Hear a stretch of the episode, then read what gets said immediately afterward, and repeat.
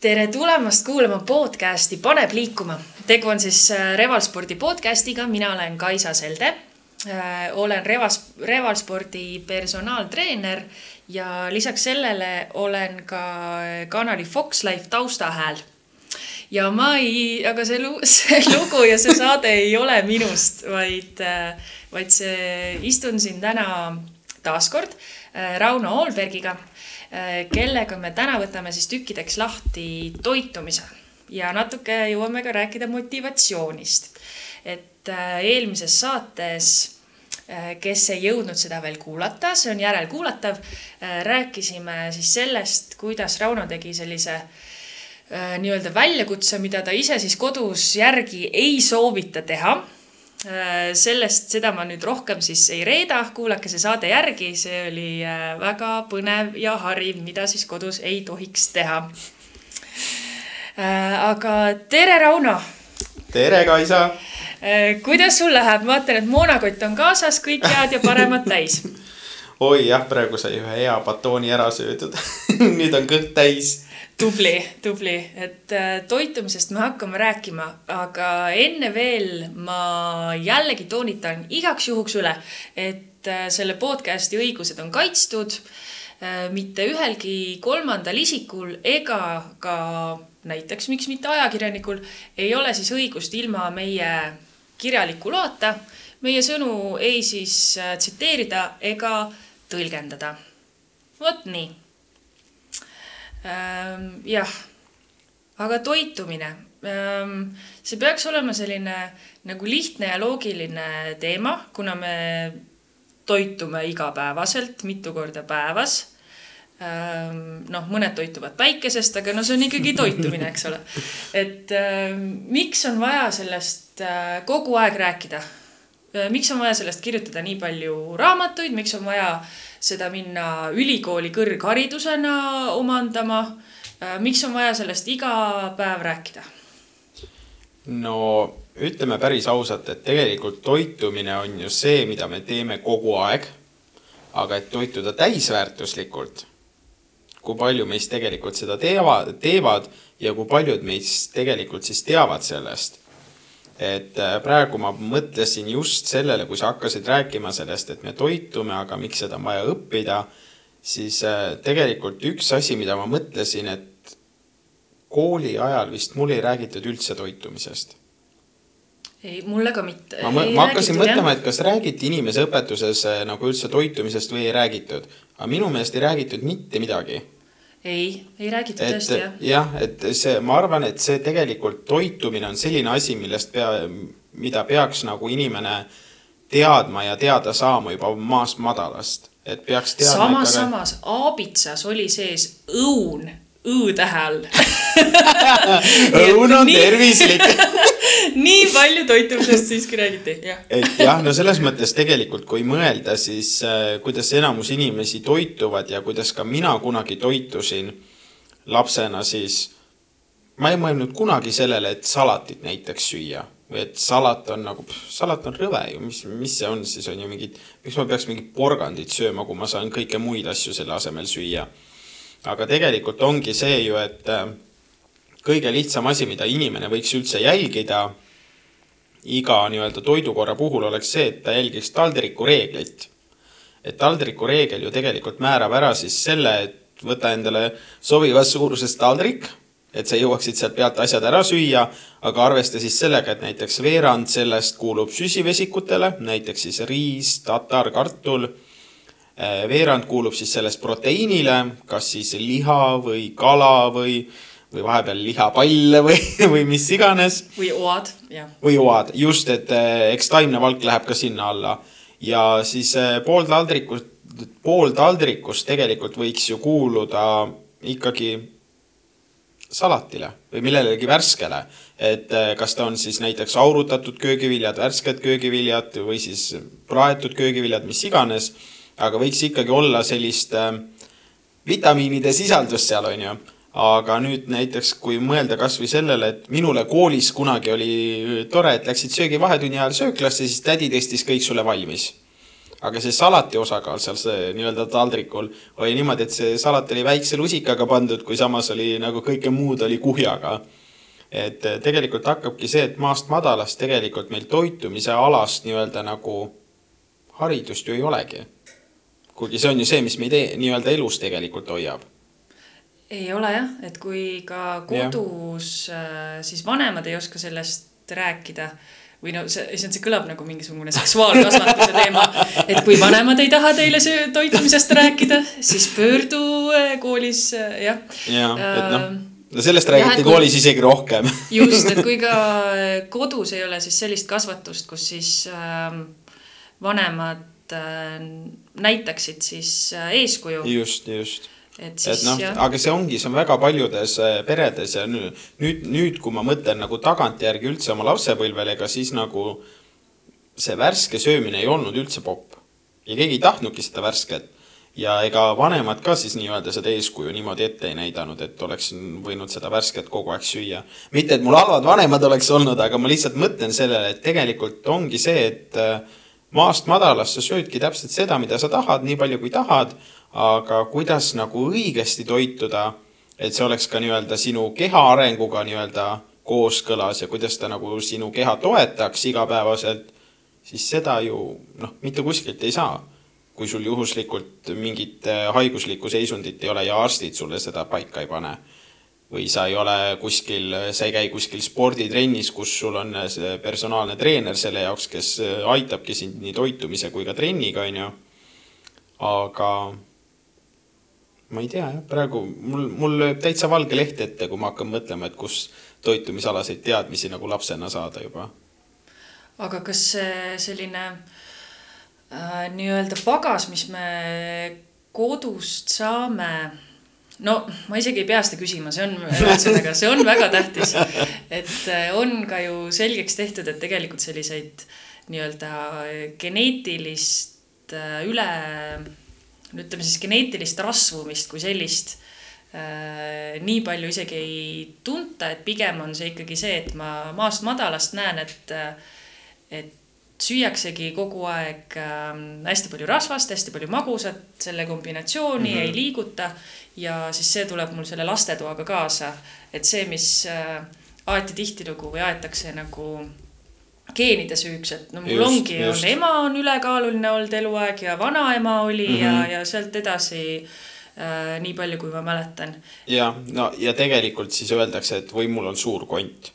Absoluutselt. tegelikult noh, sellist asja ei ole ja nagu suur või väike kont, enamus inimeste skeletid on täpselt sama suured kui nende nii-öelda nii-öelda sellisel normaalkaalus inimesel kõrval, et noh, see, see oli väga väike protsent, et mis see keskmiselt kahe, kahe inimese nii-öelda see skeleti kaal vist on ainult, võis mingi paarsada grammi vist olla mööda. Et äh, suurem või väiksem, et see ei anna sulle väga suurt sellist just, vaba, vabadust öelda, et see on nüüd äh, minu skeleti süü ja see tuleb tihtilugu ka skeleti tihedusest, mitte just. siis nagu suurusest. mahult suurusest. just, just, just, just.. et noh, see, seda ma mõtlengi, et praegu oh,. siis peaksid olema ju äh, luuvähendustabletid või mingisugune uus, uus asi. vajume kokku lõpuks. uus asi, toome jah, et kuidas suurest kondist lahti saada. Suure kondi treening ja midagi sellist, jah et no selles mõttes jah, aga toitumine on ju tegelikult, toitumine on äh, üks äh, suur osa, mis meid e-, elus hoiab, on ju et Aga number, number üks tulema... on nagu hapnik, on ju, number kaks on meil siis vesi, on ju, ja siis tuleb toit, on ju, et ikkagi meil on kõike vaja, et äh, õigesti nagu elada. et samamoodi, et äh, ega sa ilma veeta ju ka ei ela ja ilma vedelikuta. Aga see toitumine on jah, kuidagi nagu arvatakse jah tihtipeale, et äh, tuleb ka perega kaasa ja niimoodi, aga kui niimoodi mõelda, kui ma mõtlen praegu osakaalule kui vähe inimesed kodus süüa teevad, siis ma mõtlen, et ega ma ei imesta väga. et nagu selles mõttes äh, ütleme nii, et eks ole enda kättevõtmise asi ka ikka natukene. Et äh, praegu ma mõtlen lihtsalt väga suur osakaal on inimesi, kes tellivadki ainult toitu juba. et äh, mul endalgi on selliseid tuttavaid, kes jõuavad õhtul koju, nemad süüa ei tee, nemad kööki ei lähe, võtavad oma äpi lahti ja tellivad endale söögi ja söövad seda ja nüüd ma ei tea, kas see on nüüd tõsi, aga ma nüüd kuulsin ka, et viimasel ajal kõik uusarendused, mis tehakse, küsitakse, et kas teil on vaja suurt kööki või noh, kas teil on üldse põhimõtteliselt kööki vaja. Et kui teil kööki vaja ei ole, siis läheb ainult sisse see väike nurgake, kuhu sa saad panna kraanikausi, siis seal kõrval on natuke kapipinda, kus on sul see pliit ja siis on paar kappi ja külmkapp. ahju ei ole, mitte midagi ei ole ja noh, põhimõtteliselt noh, ma, ma isegi ei kujutaks ette, kui ma sellises köögis peaks süüa tegema. et ikka normaalselt toituda oleks ikkagi võimalikult sellist ta, tasakaalustatud menüüd vaja, et sa ei söö kogu aeg ainult praetud asju, vaid sa ikkagi keedad asju, sa hautad asju, sa küpsetad asju, et noh, kõike ikka võrdselt. Appi, nagu siis kõik tuleb tagasi, et kui kunagi ühe teise riigi äh, korra ajal siis tehti selliseid äh, betoonmaju, mis olid siis äh, tehase töölistele ja sinna ka ju kööke ei tehtud, kuna ja, ja, ja. kõik töölised käisid tehases söömas. et siis see nüüd tuleb, no ütleme, noh, mingis mõttes siis see asi kordub, no, kui õudne mõelda, ja. et selles mõttes ongi, et toitumine ju tegelikult, ega toitumisest ju tegelikult väga üldse ei räägita et ma mõtlengi seda, et okei okay,, see taldrikureegel taldrikureegliks aga üldse, et äh, miks meil on süsivesikuid vaja, miks meil on rasvu vaja, miks on valku vaja, on ju. ja ainukesed asjad, mida meile igal pool ümberringi nii-öelda kõrva jääb, siis see on nagu puhas tõde, on ju, nagu kunagi oli meil see noh, mis oli mingi kümme aastat tagasi, oli vist see, et süsivesikud on vaenlased. süsivesikuid süüa ei tohi, on ju, et need on väga halvad aga tegelikult süsivesikud on meie põhilised energiavarud, on ju, rasvade ja. kõrvalt. siiamaani on ju see getodieet just, just. ka selle peal, eks ole. jaa, aga noh, getodieet, no, no see Rauno läks nagu... täiesti näost ära ei no, ei no lihtsalt ma mõtlen nagu seda, et äh, tegelikult inimesed väga ei mõtle sellele, mida see getodieet kehale teeb. mis asi see getodieet on, räägi sellest no getodieet on siis põhimõtteliselt selline dieet, kus äh, võetakse süsivesikud nii-öelda menüüst välja või väga väike kogus, kuni kümme protsenti oli vist see kogus, mis võib olla. ülejäänud on kõik rasvad ja valgud. ja siis äh, nii-öelda inimesed arvavad, et siis see aitab neil kaalust alla võtta. aga miks see nii peaks olema Mi, miks nii arvatakse? sellepärast, et siis nii-öelda keha hakkab ise nii-öelda neid neid osakesi sealt põletama või ma ei tea isegi, ma, ma isegi ei tea, mida päris täpselt nagu kuulduste põhjal sellest räägitakse. aga no ma ütlen ise, et noh, ma eelmises saates rääkisin ka, et mul on diabeet ja mina noh, noh, ma räägin sellest natuke nagu enda vaatevinklist, sest ma tean nagu, kuidas noh, võib-olla nii on natuke lihtsam sellest aru saada. et eh, kujuta ette, noh, kujuta ette, et sul, sul on diabeet, on ju ja sa sööd täiesti tavalist nagu menüüd. ehk siis sa sööd süsivesikuid, rasvu ja valku. ja diabeet ja diabeetikul on vaja siis insuliini, et saada äh, süsivesikutest saada, saadav energia rakkudesse. aga kui insuliini ei ole, siis hakkab kogunema kogu see energia kehasse. ja siis lõpuks neerud ja maks hakkab seda välja nii-öelda pesema ehk siis äh, käib kogu aeg see, need puhastusprotsessid ja lõpuks lihtsalt kõik see tuleb välja. ja see on siis see ketoatsidoos. ja ketoatsidoosi puhul on siis see, et tegelikult neerud ja maks teebki väga suure osa tee sellest äh, tööst ära. et lihtsalt see, see ei ole mitte see, et sa lihtsalt ei saa nagu normaalselt süüa või midagi, vaid see on see, et sa sööd, sööd, sööd, aga keha peseb selle välja lihtsalt. et praegu on muidugi see, et äh, ütleme ausalt, et kui inimesed mõtlevad üldse, et et, ähm, et miks peaks või miks ei võiks või et dieet on ju, et milline see dieet kõige parem on? Kaisa, milline on kõige parem dieet? Äh, tervislik toitumine. just yeah., et selles mõttes, et ütleme nii, et kaalulangetuseks ei ole ühtegi imenippi. et kuidas getodieet tegelikult toimib et samamoodi sa ei söö endale piis- või nii palju kaloreid sisse, kui sa kulutad või kui palju sul nii-öelda vaja on ehk siis kõige olulisem on kaloridefitsiit, et kui sa jätad ikkagi kalor, kaloraaži, ütleme nii, et sinu keskmine päevakulu näiteks, no ütleme, võtame jälle keskmise inimese, kaks tuhat kilokalorit ja sa tarbid seal näiteks äh, tuhat viissada kuni tuhat seitsesada, siis kaal langeb. aga kui sa teed ketodieeti, sa sööd päevas sisse kolm tuhat kalorit kuhu see siis minema peaks et noh, see, see jääb ju ikka su kehasse, et ega seda sellepärast välja ei lähe. et eh, enamus dieedid ju töötavad samal põhimõttel, sul peab ikkagi olema see miinus eh, nii-öelda kehas sees. et eh, kui sul kaloritest puudust ei jää, siis ei hakka sa ju ka rasva põletama. et noh, niisama see kehakaal kuskile õhku ei haitu, sellepärast et sa nüüd süsivesikuid ei söö. Ja noh, nüüd see vahepeal siis peale seda süsivesikute nii-öelda alavääristamisprotsessi oli vist see rasvade alavääristamine, et ärge enam üldse rasvu sööge. aga nüüdseks on vist hoopis vastupidi, et sööge hästi palju rasva. et rasv on hea ja rasv on tervislik. et nüüd rõhutatakse jällegi liiga palju sellele tervislikule osale aga tervislik osa ei ole see, et sa sööd, ma ei tea, kümme avokaadot päevas ja sööd paki pähkleid ära ja siis sa saad oma rasvad kõik kätte, vaid eh, siis sa saad juba neid rasvu liiga palju. et see, et sa sööd tervislikult, ei tähenda, et see on tervislik. et eh, sa võid ju tegelikult tervislikku toitu süüa ka niimoodi, et sa lõpuks lihtsalt kurnad keha läbi ja lõpuks võtad ikka kaalust juurde, sellepärast et su kaloraaž läheb nii suureks lihtsalt. et eh, praegu ongi nagu see, et noh ütleme niimoodi, et see sotsiaalmeedia ja kõik see mõjutab tegelikult väga palju, mida inimesed mõtlevad. et kui kuskilt jälle tuleb mingi sihuke jutt välja, siis kõik vaatavad, et oo, näed, sihuke jutt on ju, kõik on hästi tore, aga kas see on teaduspõhine, kas see on nagu reaalne? no kes seda teab, see oli kirjas lihtsalt. Et noh sedagi mitte keegi ei kontrolli, just, et äh, kõike, mida tegelikult kuskilt netist lugeda, mis ei ole teaduspõhised artiklid, no neisse peaks ikka väga kriitiliselt suhtuma. et äh, kui keegi kirjutab sulle, et aa, näe, ma sõin nüüd äh, kõike, mida ma tahtsin, on ju, siis ja nüüd on kõik hästi ja ma ei pea nagu mitte midagi tegema ja kaal ise langeb, on ju, no okei okay,, jah, ma, ma ei tea, ma võtan ka neid võlutabletikesi ja söön, ma ei tea, mis asju, siis ja kõik tuleb välja või? no ei tule ju et äh, praegu on ka see, et äh, üks äh, elustiilibränd praegu tuli nagu, no nad on ühe tootega välja tulnud ja siis nad reklaamivad, et see on nii-öelda see tervislik kehakaal. Et äh, siis äh, tarbi seda, on ju, ja siis sa võid äh, nii-öelda elada kaloreid lugemata. ja ma olen ennast nii mitu korda tagasi nagu hoidnud, et kirjutada neile, et kuidas sa võtad kaalust alla kaloreid lugemata et palun seletage mulle ka, ma tahaks teada, kuidas toimib nagu kaalust allavõtmine, kui sa kaloreid ei loe. ma ei tea, paku sina mulle midagi.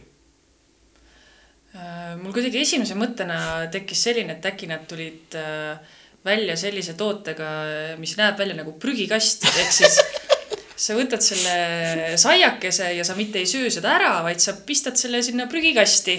ja siis sa põhimõtteliselt võid elada kaloreid lugemata, kui sa seda endale sisse ei söö. no vaata, oleks see lisavahend, see on tegelikult äh, ise ka toit. ahah, ahah, see sa, on ise ka pead seda ise toit. tarbima sa pead seda ise tarbima Ahah. ja siis äh, seal ongi nagu, et äh, ela, ela siis kaloreid lugemata.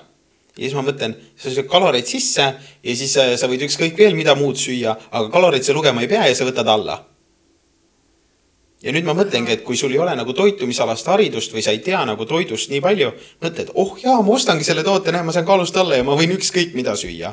Aga nagu siin tulebki see kriitiline mõtlemine nagu kasuks, et kas see on loogiline. et kui ma söön, ma ei tea, mingi suvalise asja ära, mis ütleb, et ma võin süüa nüüd mida iganes ma tahan, et ma kaloreid enam lugema ei pea, okei okay,, ma söön selle ära, siis ma olen terve päev, ma ei tea, mingit junk'i söönud ja siis ma lähen veel Maci ka veel õhtusöögiks, onju ja siis mõtled, et kaal tuleb juurde. issand, ma pean hakkama seda toodet nüüd rohkem tarbima, sellepärast et võib-olla ma tarbisin liiga vähe. Et noh, selles mõttes ongi, et äh, netis liigub praegu hästi palju asju, mida noh, ütleme niimoodi, et ka Terviseamet tegelikult ei jõua kõike kontrollida. et kõike, mida reklaamitakse ka e-poodides ja asjades, peab väga kriitiliselt suhtuma, et kas see vastab tõele. et näiteks kui kirjutatakse, et mingi asi teeb midagi siis no ütleme näiteks, et mingi toode, no ma ei tea, no ütleme oh,, ma ei tea no mingi rasva, rasva lõhustav tablett näiteks. no ras-, jah, et see et see lõhustab rasva mm, -hmm. aga tegelikult see tablett ei lõhust-, lõhusta rasva, vaid need toimeained, mis seal sees on. ja siis sa pead teadma, kas need toimeained tegelikult teevad sellist asja või ei tee ja mil määral nad seda just, teevad. just, et no need rasva lõhustavad tabletid, need on kõik siuksed, no ma ei ole ühtegi teaduslikku artiklit näinud, mis tõestavad, et nad on efektiivsed. Või siis näiteks öeldakse, et näiteks joo rohelist teed, et roheline tee on kaalulangetaja. roheline tee on kaalulangetaja mm. -hmm. kuida-, kuidas ta kaalu langetab siis, et nagu jah, et ja, kui sa enda no, toitumist ei ja, just, muuda, siis seda võluvõtmekest ei ole just. mitte kuskil. et noh, ma toon näiteks ühe näitena, et noh, praegu on hästi populaarne kollageen. ma tarbin ise ka kollageeni ja et kollageeni imenduda saa- või et kollageen saaks võimalikult hästi imenduda, tuleb seda tarbida koos äh, C-vitamiini rohke toiduga. aga kui keegi kirjutab sulle, et näiteks, et nüüd on sinna sisse pandud, äh, ma ei tea, sinna sisse on pandud noh, apelsin on ju, et äh, apelsin aitab siis imenduda, apelsin ei aita imenduda. apelsin on lihtsalt toit aga toitaine, mis on apelsinis, aitab imenduda. et ongi näiteks see, et sa tarbid kollageeni koos C-vitamiini rohke toiduga, siis see aitab imenduda sellel paremini, mitte see apelsin. see C-vitamiin võib kus iganes tulla, et see apelsin ei ole oluline. sa võid tehagi, teed hommikul endale apelsinimahla ära, onju, paned sinna supilusikatäie kollageeni sisse, jood ära, onju. ja siis ütled, oh, ma tegin nii hea endale kollageeni šoti, et nüüd aitab hästi imenduda, et apelsin on mega hea. apelsin ei ole see, C-vitamiin on aga miks üldse nii kergesti äh, usutakse selliseid asju, et need mingid plaastrid, mis sa paned kõhule, võtab sul mm -hmm. kõik selle rasva ja toksiinid ja tselluliidid äh, tirib sul siit naha kaudu välja ja kõik need äh, kapslid ja, ja need imedieedid ja, või noh, ütleme, okei okay,, dieet on võib-olla juba natuke midagi sellist, kus sa pead äh, ise ka panustama, aga mingid mm -hmm. sellised tooted, mis äh,. võluväel teevad. võluväel jah, paned endale selle lambikese kodus põlema ja siis see ultra või mingisugune UV punane või sinine sul teeb kõik, kõik paremaks. no ma tegelikult äh, väga ei usugi, et inimesed nii-öelda usuvad seda. ma arvan, et nad pigem loodavad et äh, kui sul on nagu valikuvõimalus, et kas sa teed trenni ja võtad kaalust alla või sa paned endale plaastri peale ja kui sulle väga trenn ei meeldi, no kumba sa valid siis? mõlemad lubavad kaalust alla võtta. aga miks ma usun seda või noh? sa ei, ei no ma räägingi, et sa ei usu, sa et loodad, jah, sa loodad, et see aitab mm. -hmm. aga lõpuks sa kasutad seda plaastrit, sa näed, et see ei võta kaalust alla, no siis sa saadki lõpuks aru, et kuule noh, nõme, see ei toimi aga noh, see ongi see, et eh, lihtsalt eh, vahepeal tulebki kriitiliselt mõelda, et mida see plaaster teeb, et eh, aidata sul kaalust alla võtta. et noh, ma ei tea, vahepeal oli siin see mingi jutt ka, et davai, me mässime ennast fooliumisse või kilesse ja lähme öösel magama, et siis higistame kõik välja. aga sa ei higista ju rasva, sa higistad vedelikku välja. et lõpuks sa oled kergem jah, aga vedeliku arvelt, mitte sellepärast, et sa oled rasva kulutanud et äh, see nii-öelda ter-, termodünaamiline protsess, mis seal nii-öelda higistamise taga toimib, see põletab jah rasva, aga mitte nüüd sellisel määral, et sa sellega peenikeseks saad. et äh, kui sa samamoodi edasi sööd, siis ega seal vahet ei ole, kas sa mässid ennast sellesse toidukilesse või ei mässi. kõik toimib ikka samamoodi edasi just, vahepeal kanti ka foolumütsikesi peas, aga aga see on juba teise saate teema, nii. aga no mis asi on siis tervislik toitumine või mis on see õige toit, mida, mida mina peaksin sööma, et ma oleksin äh, nii tore ja ilus ja sportlik, nagu sina oled, Rauno? no kõige, kõige lihtsam on öelda see, et või kõige lihtsam on öelda seda, et ära välista mitte midagi. et äh, kui sa hakkadki tervislikult toituma, siis arvesta lihtsalt sellega, et sul on vaja kõike, su keha tahab kõike ja kõikidel toitainetel ja toiduainetel on, või noh, toitainetel jah, miks ma hakkasin toiduaineid, parandan ära, hakkan valesti ütlema. et kõikidel toitainetel on ju oma eesmärk. ja näiteks, kui me mõtleme, et eh, süsivesikud, eh, rasvad, siis eh, valgud, kõigil on oma protsess. süsivesikud annavad meile energiat.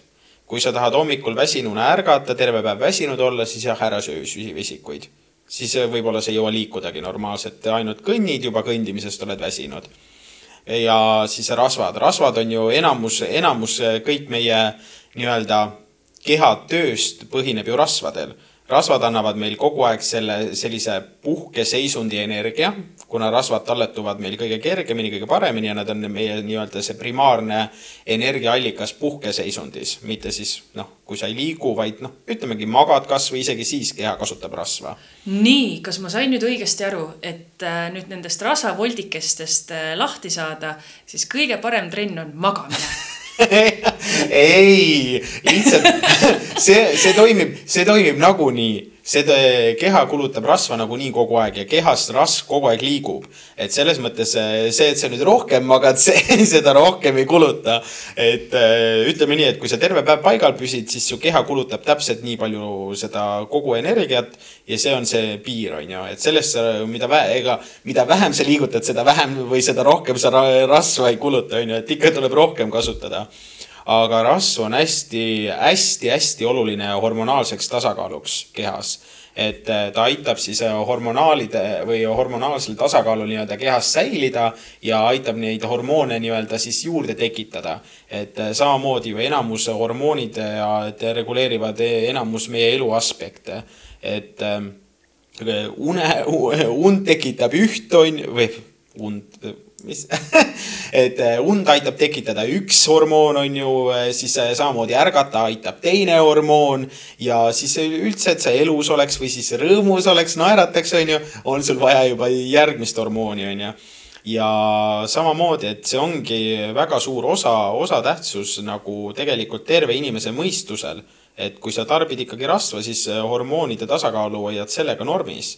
Ja see aitab nii-öelda sinul nii-öelda parem inimene ise ka olla ja noh, valk, kes meist valku siis ei tea, on ju, valk on praegu meie hittsõna, on ju, et äh, ikkagi lihased, toeta, toetada meie liha, lihas, lihaskonda ja lihaste puhul siis ongi ju hästi oluline see, et nad saaksid ilusti areneda, uueneda ja saaksid kogu aeg siis meil seda energiat.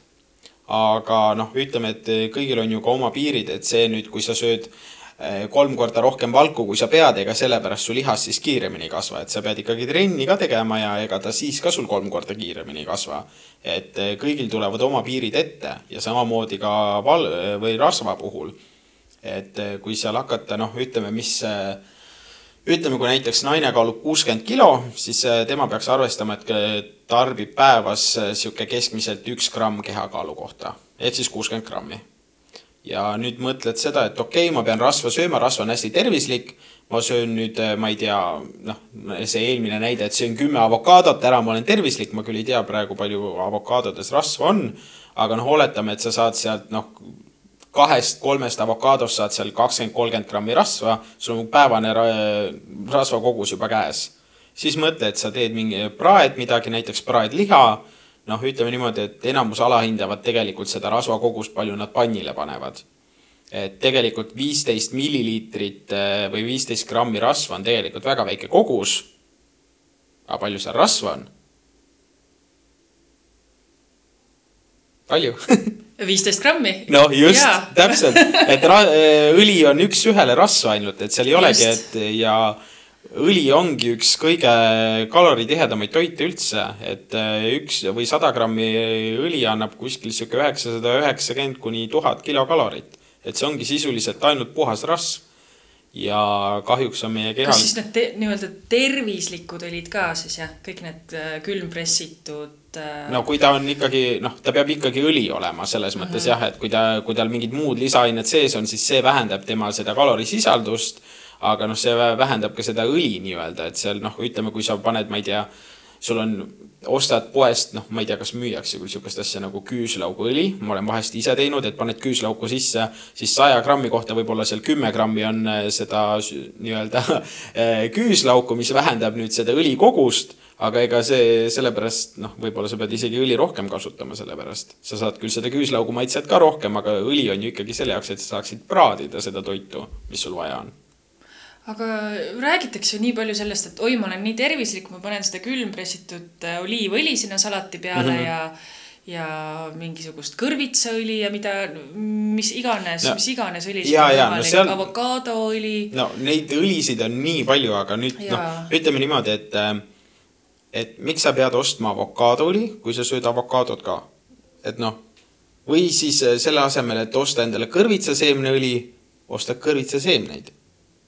Et sa saad endal kiudaineid sealt, on ju, sa saad endal, ütleme niimoodi, kõrvitsaseemned või seemnelised üldse on väga toitainerikkad äh, nii-öelda supertoidud, ma ütleksin, et neil on nagu väga palju äh, kasulikke aineid sees. et äh, selle asemel, et ainult seda õli kasutada, kasuta oma tavalist õli, sul ei pea olema kümme erinevat õliriiulis, et äh, millist ma täna kasutan. oo, täna on kõrvitsaseemneõli, täna on see, ma ei tea, mis samblaõli või mis iganes, nüüd on hästi populaarne see mingi sam-, oli vist samblaõli või, või ma ei tea no igatahes neid õlisid on nii palju tänapäeval, et ma ei kujuta ette nagu okei okay,, üks õli on kuumtöötlemiseks, üks õli on äh, külmtöötlemiseks, piisab. palju sul neid õlisid veel vaja on, on ju? et äh, ei ole ju mõtet asja endal keeruliseks ajada, seda enam, et tegelikult kõik need tervislikud õlid on ju ka megakallid. et selle asemel osta neid seemneid endale, närid nad korralikult läbi ja siis sul on juba, sa saad sealt need toitained täpselt samamoodi kätte.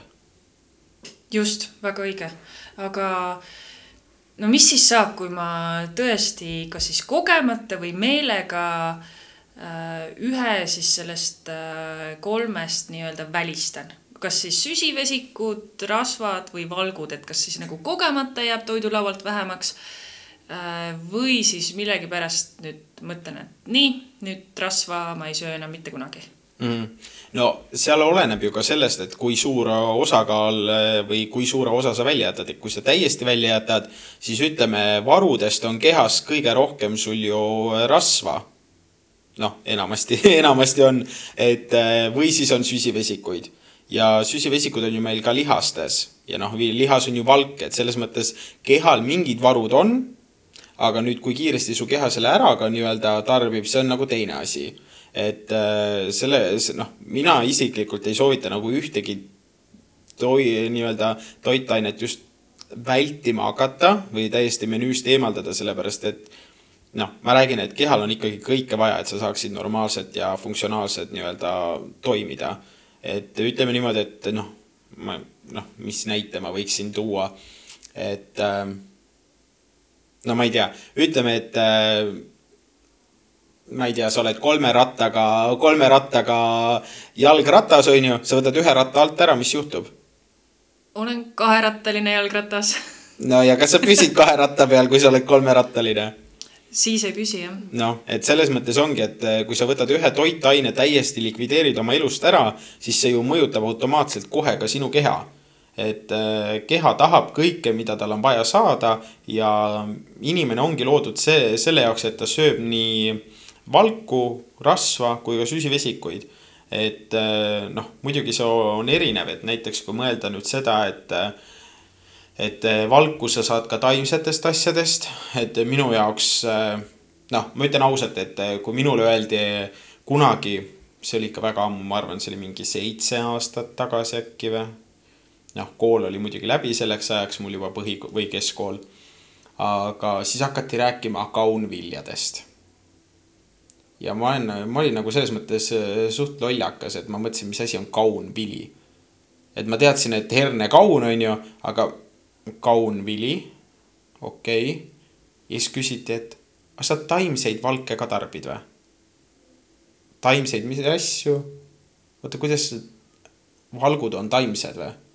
ei, ma tarbin liha nagu, mis asja ja ongi see, et tegelikult äh, mõtlesingi, et kuidas see nagu loogiline on ja ja ei saanud üldse aru, et kunagi ei ole ju sellest räägitud. aga väga paljud noh, ei mõtle isegi sellele. aga noh, eks taimsed valgud on ka muidugi selles mõttes vähem proteiinirikkad enamus, kui on ikkagi äh, loomsed valgud. et kui võrrelda näiteks, äh, võrdled kanafileed ja võrdled nüüd kikerherneid, siis kikerhernestes on seal vist oli kuus, kuus grammi valku oli vist sajas grammis. jah no igatahes alla kümne oli kindlasti. ja võrdlen näiteks kanaga, kanas on seal kakskümmend grammi valku sajas grammis. et noh, see on ikkagi erinev, aga noh, selles mõttes ütleme niimoodi, et ühtegi toitainet jah, ei tohiks alavääristada nagu. kõike on kehal vaja. samamoodi nagu ka vitamiine. mida rohkem sa värsket toitu sööd, seda rohkem sa varustad oma keha vitamiinidega. ja vitamiinid on ka keha jaoks olulised aga kuidas ma tean, et, et mul see kõik või noh, ütleme kogu see toidulaud on ilusti bilansis? kas ma peaksin ennast reaalselt igapäevaselt äh, jälgima, kuskile üles kirjutama, et mis ma nüüd suhu pistsin, vaatama sealt pakendi pealt, palju seal nüüd seda valku oli ja palju rasva mm -hmm. oli. või ja palju seal neid vitamiine on ju nüüd õhtu lõpuks kokku mm -hmm. teeb. kas ma peaksin seda igapäevaselt jälgima? seda peaks jälgima siis, kui sul on mingid kindlad eesmärgid et kui sa tahad kaalust juurde võtta või sa tahad kaalu langetada, siis on muidugi oluline see, et sa nii-öelda jälgiksid neid aga kuidas sa ise nii-öelda tavainimesena saad kõige paremini aru sellest, et kas su toidulaud on balansis või ei ole, on see, et kuidas sul tekib äh, nälg. et kui sa tunned, et sul tekib nälg väga, väga tihti ja väga nagu toidu nii-öelda siis toidukordade vahel, siis tegelikult seda, see on viide sellele, et sul jäi midagi puudu. et kui sa tunned nälga, ütleme niimoodi, et näiteks ma sõin nüüd oh,. ma sõin nüüd äh, õhtusöögi ära, õhtusöök oli kell seitse. ja lõpetasin sihuke seitse viisteist lõpetasin söömise ära, aga seitseteist nelikümmend viis on juba kõht tühi. või kell kaheksa on juba kõht tühi. siis järelikult keha annab juba ise märku, et tal jäi millestki puudu. Et äh, ütleme niimoodi, et tervislikkuses, tervislikus võtmes ehk siis noh, ma ütlen, ma räägin ka sellest, kuidas noh, mina olen arstidega nii palju kokku puutunud, et äh, nii-öelda tervislikus võtmes ka veresuhkru jaoks ja nii-öelda hormonaalide hor, hormo-, miks ma hormonaalid ütlesin ma tahtsin öelda hormoonide jaoks. Ehk siis näiteks ka insuliin on hormoon ja väga tugev hormoon et teda kehasse väga palju ei satuks, ei tohiks tarbida väga palju süsivesikute rohket toitusid. sellepärast, et tegelikult insuliin ise on ka juba isu tekitaja. et selles mõttes ongi see oluline, et sa tarbid eh, nii-öelda täisväärtuslikku toitu ja nii-öelda tasakaalustatult.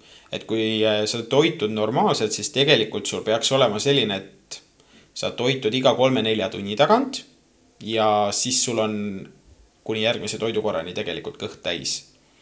et äh, sihuke kolm toidukorda, kolm põhitoidukorda päevas ja kaks-kolm nii-öelda vahetoidukorda päevas on täiesti normaalne. et see on nüüd nii-öelda see kõige, kõige tervislikum viis, aga see tähendab ka seda, et need portsjonid on selle võrra väiksemad. Et äh, kui sa sööd näiteks ainult kolm toidukorda päevas, siis su portsjonid on tõenäoliselt suuremad, aga kui sa lisad endale kohe need vahetoidukorrad, siis su portsjonid lähevad ka väiksemaks. et sa ei peagi nii palju sööma, aga sul ongi see, et keha nii-öelda saab kogu aeg nii-öelda äh, energiat endale juurde et eriti valgu, valgu, valgu ja valgusünteesi ja lihaskasvatuse puhul on see hästi oluline, et sa suudaksid keha siis äh, pidevalt nii-öelda valguga varustada, et kogu aeg see valgusüntees toimuks. aga jah, et selles mõttes praegu ongi oluline see, et äh, kui sa tunned nälga, ilma et seal toidukorrast oleks näiteks paar tundi juba möödas, siis järelikult on jah, tasakaalustatud toitumine see ei ole. et kui to toidukord on tasakaalustatud, siis saad rahulikult paar tundi olla nii, et sul ei ole sihukest tunnet, et sa peaksid näksima ma võtan enda pealt, et äh, mul on tihtilugu see, et kuidagi äh, vahepeal siis, kui on näiteks äh, aktiivsem, kas mingisugune treeningperiood, siis kuidagi äh, kõht on rohkem tühi. ei no ja äh, trenn, trenn muidugi mõjutab seda, et trenn, trenn on omaette asi. Et äh, trenn, trenn muidugi mõjutab seda, aga ma räägin üldiselt nagu Üleüldse, päeva ja, ja päeva lõikes et näiteks ja see, mis mõjutab mind ka, on, et kui väljas on külm ilm või vihma sajab, siis ma tahan ka rohkem süüa. kas see on, see on emotsionaalne, see on emotsionaalne, et äh, selles mõttes ongi näiteks see, et äh, kui sa räägid trennist, on ju, siis trenni puhul ongi näiteks see, et ütleme, et ole noh, üldjuhul inimene ikka plaanib ära päeva peale, et mis ajal ta mida teeb et äh, näiteks ütlemegi, et äh, sina tahad peale tööpäeva minna trenni, lähed kella viiest trenni, siis ongi näiteks see, et sa sõid näiteks kell kaks lõunat või kell üks sõid lõunat, on ju. siis äh, näiteks neli või pool viis sööd endal seal vahepala ära, siis lähed peale seda trenni, on ju. ja siis peale trenni sa saad tegelikult juba õhtusöögi süüa. et õhtusöögi ja trenni vahele võiks jääda sihuke kaks tundi ja siis jällegi, et noh, oleneb, mis trenni sa tegid, aga, aga sealt tuleb see jälle, jällegi see valgukogus peale, et jällegi hoida ja aitada, aidata kehal siis taastuda. et äh, see ongi hästi oluline, et tegelikult, kui sa mõtled, siis see kuus toidukorda päevas, viis-kuus toidukorda päevas tegelikult on päris tihedalt. et isegi kui sa tunned nälga, siis tegelikult see, need vahetoidukorrad, need ooted tegelikult aitavadki väga ilusti seda tööpäeva üle elada või üldse tervet pikka päeva. et äh, see on hästi oluline jah, et hoida nagu sihukest mõistlikku piiri ja ütlemegi, et kui sa sööd nüüd no ütleme, noh, mis me, mis me võiksime võtta selliseks näiteks. et ähm, noh, ma küsin sinult, et, et kui sa sööksid, äh, ütleme nii, et sul on äh, hommikusöök söödud, lõuna veel käes ei ole, aga sa tahaksid süüa midagi töö juures. ja siis sul on laua peal kaks valikut. no praegu täiesti suvalised näited. Et äh, kas sina võtaksid pigem laua pealt kartulikrõpsud või sa võtaksid endale äh, köögiviljakangid hummusega. nii, kas see vastus pole ilmselge? me istume siin reaalspordis, muidugi ma võtaksin need äh, mõnusad krõmpsuvad porgandid selle valgurikka hummusega. no ja. just, aga nüüd ongi see, et äh, kui paljud tegelikult mõtlevad oma järgmist toidukorda ette mm. -hmm. sest see tundub. Äh, see tundub nagu hästi raske, on ju. aga tegelikult, kui sa mõtled sellele, et äh, kui sa ei viitsi oma isegi seda järgmist toidukorda ette planeerida mm, -hmm. hummuse ja need äh, beebiporgandid sa saad ka poest ja sa ei pea neid koorima, sa ei pea just, mitte midagi tegema. aga millegipärast automaatselt me liigume sinna krõpsuleti juurde mm, -hmm. võtame krõpsud ja sa sööd terve paki niimoodi ära, et sa isegi ei märka mm. -hmm. aga kas sa kõhu said täis? ei. ei ja see ongi see, et tegelikult sa sööd selle krõpsupaki ära. Äh, ma just hiljuti üritasin äh, vaadata tervislikke krõpse. et kas on vahet, et kas on vähendatud rasvasisaldus või ei ole. ja keskmine krõpsupakk annab ikkagi ligi viissada kalorit saja grammi kohta. ja siis need, äh, mis on vähendatud rasvasisaldusega. Need on sihuke nelisada kolmkümmend, nelisada viiskümmend aga noh. ehk siis jah, tegelikult ja, ei ole mingit seal ei vahet. ole mingit vahet ja tegelikult toiduainetööstus automaatselt ka kompenseerib erinevaid neid äh, toiduainete vahekordi. et äh, kõik, mis on tegelikult maitsestatud ja mis on vähendatud suu- või selle vähendatud rasvaga äh, maitse kompenseerimiseks näiteks pannakse suhkrut juurde. et kui sa ostad näiteks ütleme noh, ütleme ostad mingi jogurti, maitsestatud jogurti, näiteks kirsijogurt ja kirsijogurt, no ütleme, keskmine jogurt on selline viieprotsendilise rasvasisaldusega. ja siis sa võtad selle light jogurti, sest ma tahan ikkagi rasva vältida, et ma tahan seda normaalset, on ju. et ma tahan ikkagi eh, vähe rasvast ja vähem kaloreid tarbida.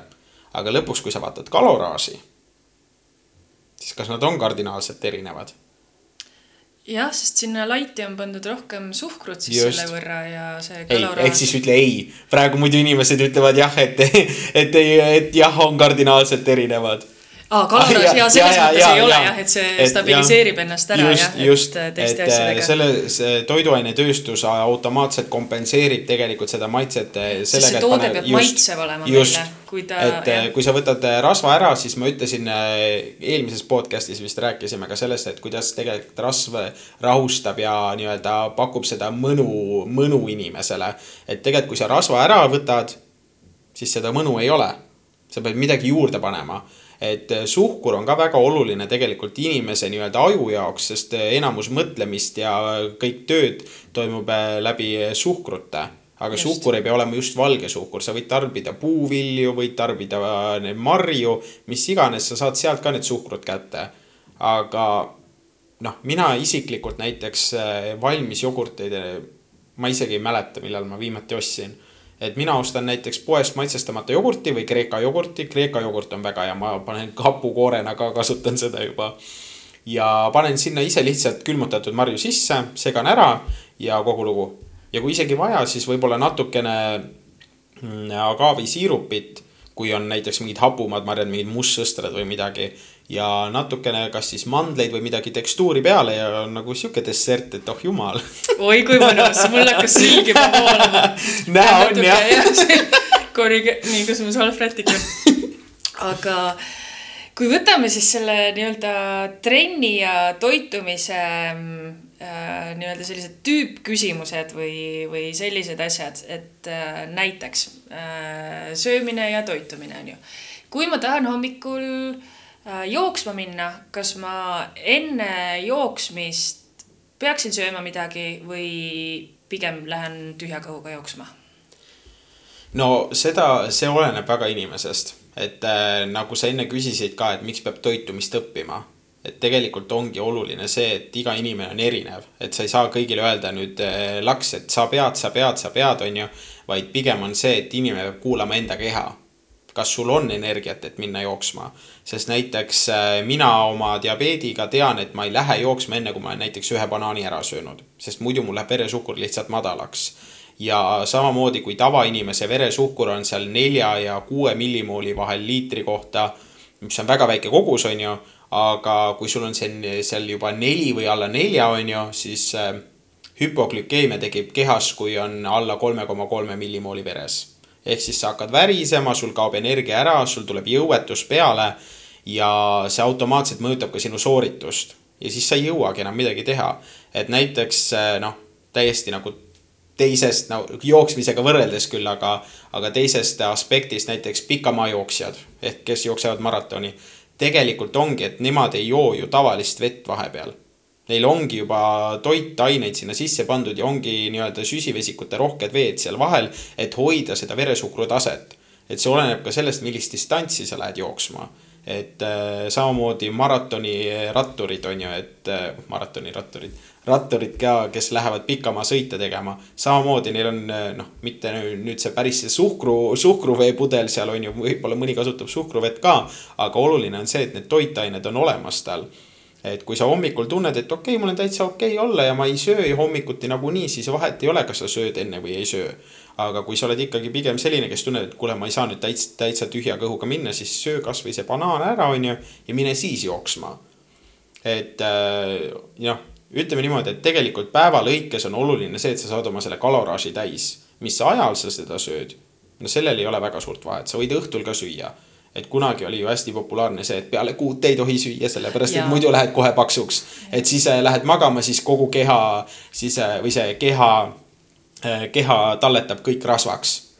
ja nüüd ma ütlen ühe huvitava fakti et inimese keha seedeprotsess, keskmise inimese seedeprotsess kestab keskmiselt kolmkümmend kuus tundi. ja nüüd mõtle, mitu tundi on ööpäevas. Ehk siis sa tarbid või su keha nii-öelda seedib kogu äh, aeg neid toitaineid poolteist päeva keskmiselt ja see, et eh, sa nüüd iga, iga päev käid eh, number kahel, see ei tähenda seda, et see on su nüüd see eilse päeva toit, vaid see kogu aeg ju see protsess toimib. sellepärast, et soolestik inimesel on juba väga pikk ja kogu aeg on see soole, soolestik töös et samamoodi ongi see, et kui sa nüüd mõtled, et ah, ma ei tohi õhtul süüa, sellepärast et muidu ma lähen paksuks. Su keha seedeprotsessid toimivad nii või naa. vahet ei ole, kas sa hakkad nüüd õhtul lisaks sööma või sa ei söö enam õhtul lisaks. sest isegi kui sa sõid viimati õhtul kell kuus, siis äh, järgmise, ülejärgmise hommiku kella kuueni nagunii need nii-öelda keskmiselt ikkagi seeduvad need toitained sealt sellega äh, pidi olema see nipp, et kui tahad inimkatseid teha ja see on katse, mida võib teha, on siis erinevad värvilised köögiviljad, näiteks peet või midagi sellist, et kui mhm. sa sööd hästi palju peeti, siis sa saad jälgida väidetavalt siis, et kui äh, no, kas jah, see vastab tõele või et kui kiire see, su seedimine siis on või...? selle, noh, sellega on muidugi see, et äh, kuna sa sööd selle peedi ära, siis äh, vedelikud ja need kõik hakkavad nagunii kehas ringi liikuma. just et, täpselt ja vedelik läheb ja, ennem just, välja. just mm, -hmm. et aga noh, ma olen kuulnud küll seda, ma ei ole ise proovinud, sellepärast et ma ise neid, äh, mis on need, need seened, mis on selles marinaadis, riisikad vist või või kuuse, ei, kuus, on kuuseriisikad. ja, ja ma mõtlen. ja siis äh, mul on siiamaani meeles, kuidas mul te üks äh, vanaema sõbranna kunagi vanaema sünnipäevalauas ütles, et näed, Rauno, proovi seeni. ma ütlesin, ei, ma ei taha, mulle ei maitse seened. aga proovi, vaata, sa sööd need tervelt ära, siis nad tulevad tervelt välja ka. Siis ma olin seal sünnipäevalauas, siis ma sõin samal ajal ja siis ma mõtlen nagu mm. -hmm. vanatädi ütles, kuidas ma peaksin sööma, et näha, et kuidas need samamoodi välja tulevad, ise istud ja sööd väikse lapsena aga ma, ma ei ole nagu kursis sellega, aga te võite meile teada anda, et kas see nagu Jaa, vastab tõele. mida peab sööma, ärge kuldmünte endale sisse hakake. jah, neid, neid ei ole mõtet, et natuke liiga kallid aga nii, ühesõnaga käisin hommikul jooksmas ära, jõuan tagasi. enne seda, kui ma tööle lähen, kas ma siis peaks midagi sööma? Sa võiks midagi süüa. ma võiks midagi Just, süüa. et jällegi see peale trenni võiks sihuke vähemalt kahe tunni jooksul endale ikkagi midagi sisse süüa. et äh, eelistatult võiks seal jällegi valku olla, sellepärast et noh, jooksmine on tegelikult, jooksmine on äh, äärmiselt nagu keha, noh ütleme, keha kurnav tegevus, et selles mõttes ta nõuab väga palju sult äh, pingutust, et joosta. et tüüpiliselt ongi see, et noh kardio nagu ikka kulutab energiat ja olenevalt, kui kiiresti sa jooksed, näiteks kui mina käin äh, jooksmas, mis ma enda jaoks avastasin hiljuti, kuna ma osalen selle aprilli väljakutses, mis oli siis äh, sada kilomeetrit joosta aprilli jooksul. ma ei ole üldse pikamaa jooksja, ma pole kümme aastat õues jooksnud. ja ma läksin jooksma, siis ma avastasin, et tunni ajaga ma põletan sihuke kaheksasada pluss kalorit. hurraa hurraa, onju, et väga-väga korralik väga nagu hea, põletus, onju. Et äh, ja nüüd mõtle, et äh, kui sa ei ole midagi söönud, siis keha lihtsalt hakkab varsti nõudma midagi, et sul tekibki see nälg. et äh, peale seda on ikkagi see, et ikkagi võiks jälle mingi sihuke normaalne toidukord olla, kus sa saad nii rasvu, süsivesikuid kui ka valku, on ju, et valk oleks oluline siis peale trenni jällegi taastuda või et lihased saaksid taastuda sul. et jah, ütleme niimoodi, et noh vahepeal on ka see, et mõni ütleb, et näiteks ma ei söö hommikust üldse, ei söögi hommikust, on ju. ja siis äh, venitab nende toidukordadega, et ei tahagi süüa, on ju. või näiteks noh, ma ei tea, kas see fasting või on ju. Eh, lõpuks on see ju, et kui sa pikka päeva ei söö, siis sul lõpuks ju ikka keha kogu aeg töötab, keha nõuab seda energiat. ja lõpuks on ikkagi oht, et õhtul sa sööd üle. kui sa seda, isegi kui sa seda fasting ut ei tee, ütleme, et tavainimene lähed, käid hommikul trennis ära. ütleme, et keskmine inimene, noh, võib-olla kulutab sihuke viissada, kuussada kalorit jooksuga, on ju. siis äh, hommikust ei söö, läheb tööle, töötab näiteks, noh, toome väga robustse näite, töötab näiteks laos kogu aeg teeb, tõstab midagi, kogu aeg liikuv töö on ju, või klienditeenindaja kasvõi, et äh, restoranis kuskil kogu aeg kõnnib, kogu aeg tassib asju. ja kogu aeg kalorid jooksevad, aga kuskilt peale ei tule nälg tuleb, sa kogu aeg ignoreerid seda nälga ja lõpuks, mis sa siis õhtul teed? söön, jaa. sööd, aga, aga siis sul ei tule jooksu... seda piiri enam ette, vaata. et ja. äh, ma olen ise tegelikult seda kogenud, et äh, tegelikult kui sa toitud nii-öelda nii, nagu ma enne ütlesin, et äh, kolm põhitoidukorda, kaks-kolm väiksemat toidukorda, siis sul ei jõuagi see näljatunne tekkida, et sa jõuaksid õhtul ennast üle süüa aga kui sa hoiadki ennast tagasi, et ei, ei, ma ei söö, on ju, või ah, ei, mul ei ole tegelikult isu, on ju, su keha tahab ikka energiat saada. et selles mõttes, äh, kui sa nüüd hoiad ennast terve päev tagasi, et ma ei söö ja siis õhtul hakkad sööma ja siis ütled, ah, ma ei tea, miks mul kaal tõuseb. aga siis õhtul sa võtad endale veel sinna noh, ütleme pudeli veini kõrvale, on ju, ja siis sa võtad sinna juustu kõrvale, on ju. aga enne seda oli sul veel, ma ei tea, sõid ühe korraliku pasta ära, on ju tegid koorekastmes pasta, sihuke suurem portsjon, võib-olla mingi noh, ütleme. noh, ma vahepeal arve, arvestasin eh, neid eh, Vapiano neid pastakoguseid, need ei lähe MyFitnessPalliga üldse kokku. et noh, seal tuleb kõvasti üle tuhande kalori ja kui sa teed veel kodus on ju, paned endale meelepäraselt juustu veel rohkem sinna sisse. võib-olla su õhtusöök on seal kuskil tuhat viissada kalorit on ju ja noh, ütleme, et sa peaksid päevas kaks tuhat ära tarbima, aga noh, siis sa võtad veel selle pudeli veini, on ju. siis väike sa võtad need ja väike ja. šokolaad on ju ja veel natuke sinna juustu juurde. no ja mis saab siis? siis on jälle kaloraaž üle, jälle. et ongi see, et hoiad ennast terve päev tagasi, aga õhtul siis paned seda, mis, mis, mida hingi ihaldab aga selle asemel, et terve päev natukene normaalsemalt toituda, et sul õhtul ei tekiks vajadust kõige selle näksi järgi ja selle nagu üleliigse järgi. et see on tegelikult hästi oluline, jah aga kui ma olen siis, kui mu elustiil on siis nii-öelda teistpidi, et mulle meeldib õhtul äh, trennis käia mm, -hmm. aga tööpäev venib nii pikali, et ma jõuan trenni alles ma ei tea, kaheksast-üheksast õhtul, millal mm -hmm. see veel lõpeb, on ju, jõuan poole öö pealt koju äh,. mis ma siis toitumisega peaks tegema, kas ma peaks no enne no. trenni ma ei saa ju kõhtu nii täis süüa, eks ole, mul on seal trennis, ma ei, noh, kehva no, olla. no oleneb jällegi, vaata, milline on see toidukord, et tegelikult, kui sa lähed kella kaheksast trenni, siis äh, kaheksast, üheksast trenni, siis tegelikult, kui sa tund aega enne trenni oled juba söönud, siis tegelikult es esmased seedeprotsessid on juba toimunud. ehk siis tegelikult selleks ajaks sul kõht nii täis ei tohiks olla. Et äh, kunagi need, kes mulle TAC-is käisid, need teavad kindlasti, mis trenn see on, on ju et palju hüppamist ja liikumist ja jooksmist. minul oli konkreetselt see, et ma teadsin, et ma ei tohi äh, süüa äh, hiljem kui tund aega enne treeningut. sellepärast, et siis mul oligi tunne, et nagu on väga hull. aga enamasti sihuke jõutreeningu puhul on see vahe isegi väiksem, sest seda hüppamist ei ole, sul magu ei ole nii täis ja ta ei saa nii palju liikuda. aga just ma mõtlen seda, et kui sa toitud nagu normaalsel ajal ja sul jääb sihuke tunniajane vahe väga vähemalt sisse, siis see on täiesti optimaalne et isegi kui sa jõuad seal üheksast, siis on juba kaks tundi möödas, okei okay,, on ju. ja tegelikult sa lõpetad trenni ära. mille aeg sul peale trenni on? söögiaeg tahaks mina öelda. just, aga ongi ja. vahepala. selle, sellepärast ma räägingi, et pigem ära jaota neid toidukordasid hommik, lõuna, õhtu, vaid on hommik, lõunaoode või see hommikuoode, lõuna, lõunaoode, õhtu ja õhtuoode. see on kuus toidukorda aga see ongi see, et ta hoiaks sul kogu aeg seda energiat üleval. et lõpuks, kui sa söödki võib-olla niimoodi, et sa sööd nüüd, ma ei tea, ütleme, et sa sööd õhtusöögi kell kuus või seitse ära, on ju, kui sa tuled töölt koju ja peale seda lähed trenni, siis sul lõpuks, trenni lõpuks on nii pilt taskus, et noh, ei jõuagi enam midagi teha, on ju. mõtled seal duši all ka juba, oh jumal, ma pean koju ka veel minema et pigem jah, et eh, ongi see, et sa saaksid hoida endal kogu aeg seda nii-öelda varu endas sees, et sellepärast ma soovitangi pigem väiksemaid koguseid ja pigem tihedamini kui neid suuri koguseid ja harva.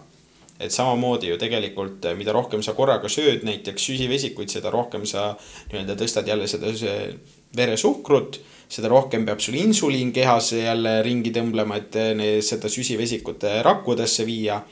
ja kui see kõik sul tehtud saab, siis on sul see insuliin jälle siukse korraliku söögiisu tekitanud et noh, see, see kõik on jah, lihtsalt toimib niimoodi. et äh, nagu sa ütlesid ka, et äh, tuleb mõelda natukene rohkem ette, et ongi, kui sa noh, hetkel on küll vist äh, paljud inimesed kodukontoris, hea ette mm -hmm. mõelda. just, nüüd plaanid trenniks ära teha aga muidu siis äh, ka siis haarata kaasa mingisugune, mis on sihuke hea snäkk, mis äh, kaasa haarata, kas siis tööle endal kotti panna või, või äh, enne trenni, peale trenni mm, -hmm. mida sa soovitaksid? no selles mõttes enne trenni ma soovitaksin ikkagi endale süsivesikuid sisse süüa.